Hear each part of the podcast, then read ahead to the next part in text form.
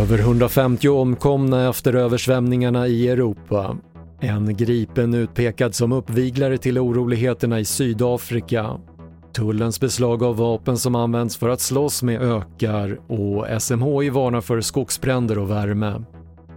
TV4-nyheterna börjar med de katastrofala översvämningarna som drabbat Tyskland, Belgien och Nederländerna.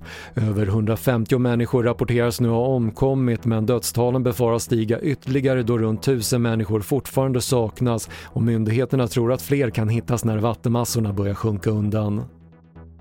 En person har gripits misstänkt för att vara uppviglare till kravallerna i Sydafrika som lett till att över 200 människor dött och hundratals köpcenter, varuhus, även fabriker plundrats och förstörts. Sydafrikas president Cyril Ramaphosa menar att uppviglarna försökt skapa en revolt bland invånarna. It is clear now that the events of the past week were nothing less than a deliberate, a coordinated and a well planned attack on our democracy. The constitutional order of our country is under threat.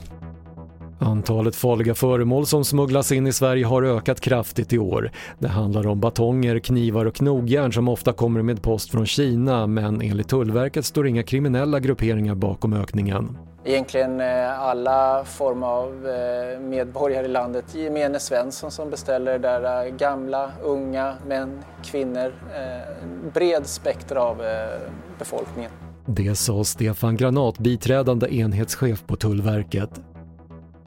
OSMHI varnar för skogsbränder i hela landet förutom i Västernorrlands och Jämtlands län samt fjälltrakterna. Man flaggar också för att det väntas bli höga temperaturer på uppemot 30 grader i nästan hela landet under dagen. Men nästa vecka ser det ut att bli mer normala temperaturer igen med 20-25 grader på de flesta håll.